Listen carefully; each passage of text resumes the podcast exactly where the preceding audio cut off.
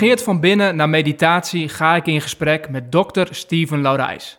Hij is een Belgische topdokter, neuroloog, wereldautoriteit op het gebied van coma-patiënten, wetenschapper en verbonden aan het Universitair Ziekenhuis van Luik. En doet vanuit deze disciplines al jaren onderzoek naar meditatie. Daarnaast schreef hij onder andere het boek Het No Nonsense Meditatieboek. Nou, uiteraard ben ik nieuwsgierig naar de effecten die uit zijn onderzoeken komen. En dan met name die resultaten waar wij als ambitieuze professionals iets aan hebben. Maar voordat we het daarover gaan hebben, vroeg ik hem allereerst naar de wetenschappelijke definitie van meditatie. Dat is uh, eigenlijk best een moeilijke vraag. Hè? Hoe ga je meditatie definiëren? Het is een heel persoonlijke ervaring. Meditatie is mediteren. Hè? Het is de ervaring zelf. En dat is dus voor ja, ons wetenschappers, hè? ik ben neuroloog en uh, directeur hier van de Giga Consciousness, waar we proberen dat grote mysterie dat het menselijk bewustzijn is, in kaart te brengen, te becijferen. En voor mij is meditatie eigenlijk mentale gymnastiek. Het is aandacht hebben voor wat er tussen je twee oren gebeurt die permanente stroom aan gedachten, percepties, emoties. En je kan het eigenlijk vergelijken met sport. Hè? Wat is sport? Definieer sport. Wel, uh, dat is ook een reeks oefeningen. Um, je kan dat op verschillende manieren invullen. En bij meditatie is dat voor mij net zo. Dus het is aandacht hebben voor mentale processen.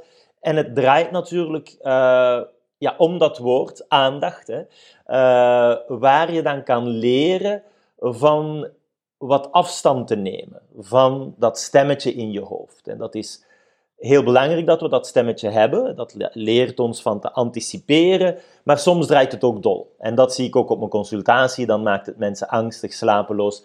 En dus naast de pillen, en dat was voor mij echt een ontdekking, is er dus ook meditatie, dat ik als neuroloog gewoon voorschrijf.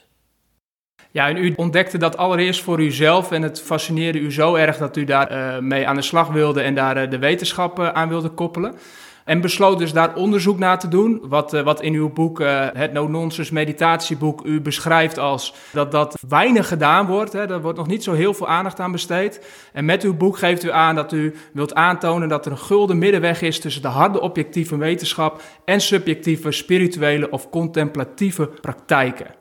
Uh, en daarmee gaat u een enorme uitdaging aan uh, om daar onderzoek naar te doen. Uh, hoe ziet zo'n onderzoek eruit als u daarmee aan de slag gaat? Wel, zoals je net hebt gezegd, Geert, ik heb nooit iets geleerd over meditatie. Dat is eigenlijk een beetje bijzonder hè? En, en vandaar ook het boek. Ehm, ik denk dat we die afgelopen twintig jaar ja, niet gewoon kunnen, kunnen wegvegen. En de uitdaging voor ons is om met die objectieve meetinstrumenten, die hersenscans die we hier aan de Universiteit van Luik al ja, een kwart eeuw gebruiken, hè, dan vooral om patiënten na komen, dat is eigenlijk echt ons, ons domein van expertise, uh, het beschadigde brein, maar ook de studies naar farmacologische uh, modificaties of uh, het geven van psychedelica aan gezonde vrijwilligers en nu dus meditatie. En dat is er gekomen een ontmoeting met uh, Mathieu Ricard, dat is een boeddhistische monnik, dat is ook een um, ja, bestselling uh, auteur. En hij gaf een TEDx-praatje uh, in Parijs, dat vertel ik in het, in het No-Nonsense meditatieboek, toen ik een hele moeilijke periode had in mijn leven. En ehm, dat merkte hij al snel en dan nodigde hij me uit op een retraite. Dat was voor mij een persoonlijke ontdekking. En nodig ik hem uit in het labo waar hij dus, en sindsdien vele anderen, uh, heeft aangetoond en ons toegelaten om te zien, wel, meditatie bij die ja, topatleten, en dat zijn die boeddhistische monniken wel, uh, wat verandert dat in je brein? En um, ja, dat is, dat is wat ik daar samenvat. Uh, en ook de klinische impact. Hè? Wat, wat, wat uh, kan ik hiervan gebruiken als arts, als zorgverlener? Um, en zoals je heel correct zegt, het is geen of-verhaal. Het is het combineren van ja, natuurlijk al die medische kennis en technologie, maar toch ook uh, de patiënt, dan praat ik als neuroloog, een meer actieve centrale rol geven. Um, dus dat, dat is wat we hebben gedaan. Het is uh, inderdaad dan uh, natuurlijk belangrijk om met die ja, meditatie-experts een gesprek aan te gaan. En, en dat is dus de grote moeilijkheid van bewustzijnsonderzoek. Uiteindelijk ben jij de enige die op dit moment weet wat gebeurt er hè, in, in je hoofd, in je geest. Um, en dan ja, die brug te maken tussen die uh, wetenschappelijke methodologie, waar ik heel erg achter sta, die objectieve metingen, maar ja, hier gaat het natuurlijk over iets zo subjectiefs als ons menselijk bewustzijn. Deze podcast gaat met name over mijn zoektocht ook naar dit onderwerp en om te onderzoeken welke tools ik hieruit kan halen. Uh, en er luisteren een hele hoop uh, ambitieuze professionals naar. Um, Stel dat u zich verplaatst in zo'n ambitieuze professional en u weet welke uh, resultaten u inmiddels gemeten heeft, welke wetenschappelijke effecten u heeft gemeten. En wat zijn dan de belangrijkste om daarin uit te lichten? Waar hebben ambitieuze professionals het meeste aan wat u heeft ontdekt in uw onderzoek? Wel, de ambitieuze professionals, hè, dat zijn geen boeddhistische monniken. Uh, en dat is dus helemaal niet de bedoeling. Uh, zoals mijn vrouw heel correct zegt, het is voor hun mensen als Mathieu Ricard, hè, de, die uh, die monnik, vertaler van de Dalai Lama, die ik dankzij hem ook heb kunnen ontmoeten, ja, die hebben een heel ander leven. Hè. Het, het, is niet noodzakelijk... ja, het is heel anders. Hè. Wij, wij hebben de job, partner, ik heb zelf vijf kinderen. Ehm, ja, dat is dan niet altijd evident om zen te zijn wat we wel hebben kunnen leren van die extremen, van die mensen, iemand als Mathieu Ricard, die heeft meer dan 60.000 uur meditatie op zijn teller staan. Dan, dan zie je van die extremen dat dat echt een impact heeft. Hij is uh, 70 plus en zijn brein is eigenlijk 10, 15 jaar jonger. Dus meditatie geeft je daar een manier, en dat hebben we echt kunnen opmeten, en, en ik vat dat ook samen, wat al die andere studies wereldwijd herhaaldelijk hebben aangetoond, dat meditatie een impact heeft op de structuur van je brein in aandachtsnetwerken, geheugennetwerken. Dus dat kan helpen met focus.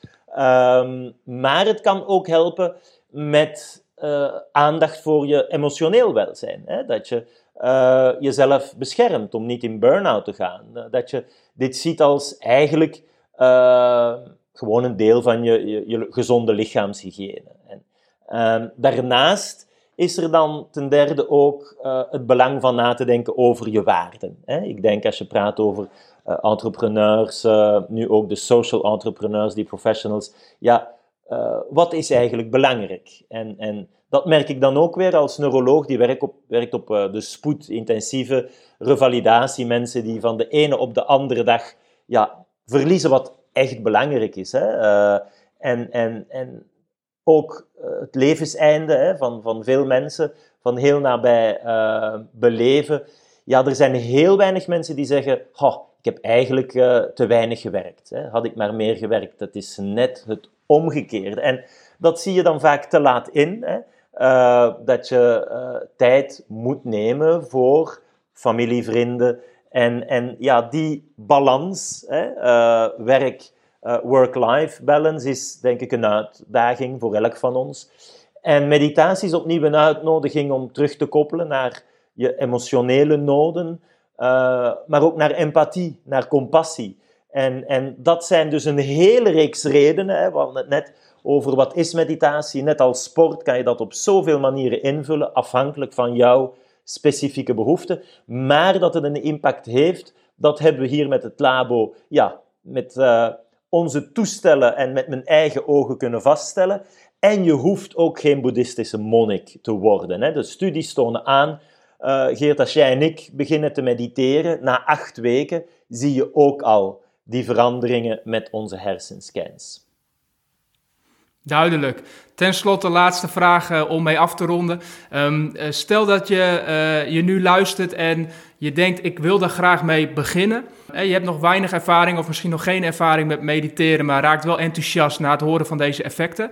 Um, welk advies zou u geven aan zo iemand vanuit uw rol als arts en wetenschapper? Wat zou u zo iemand mee willen geven als begin? Leg de lat niet te hoog. Wees niet te streng met jezelf. Doe wat je kan.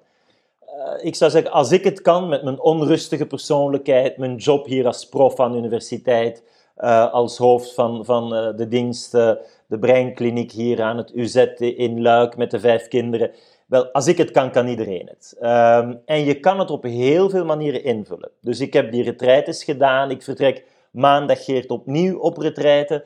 Dat is een luxe die ik me kan veroorloven.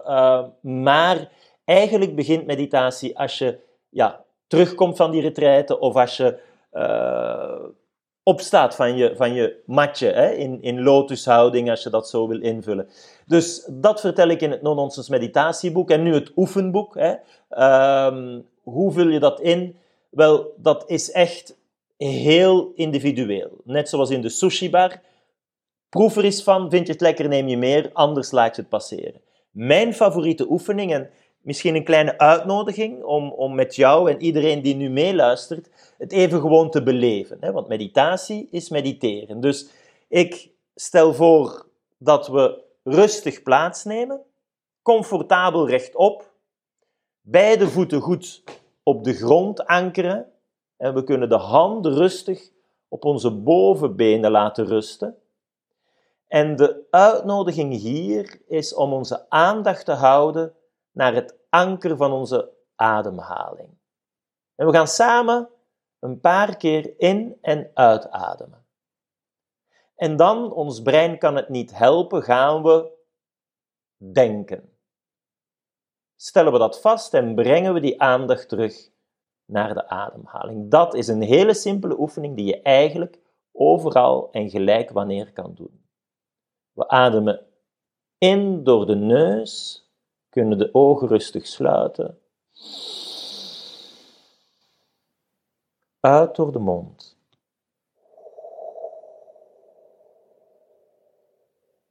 Heel knap. Aandacht bij die ademhaling. In.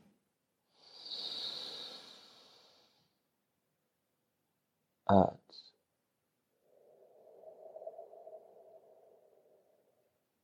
En we kunnen nu iets langer uitademen.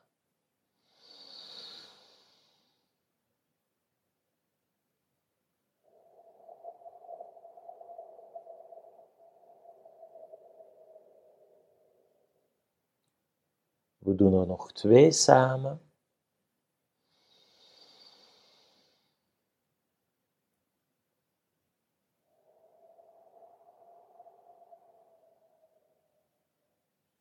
Aandacht terug naar de ademhaling. In. Heel knap. Uit.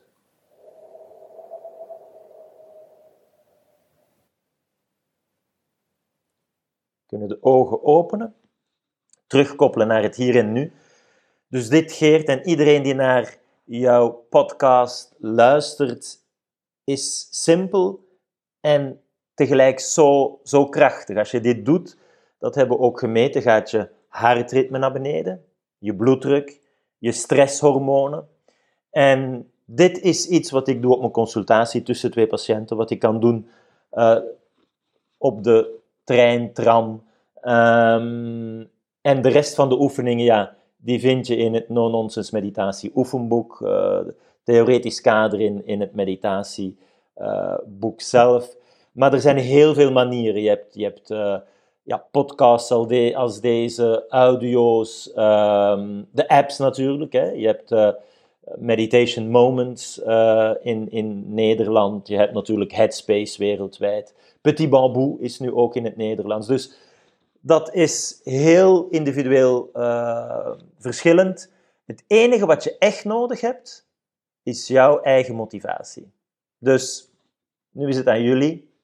Uh, probeer het eens en denk niet dat het iets esoterisch, zweverigs, religieus is, waar je in origami moet geplooid 10, 20 minuten. Het is geen competitiesport. Elke minuut is mooi meegenomen.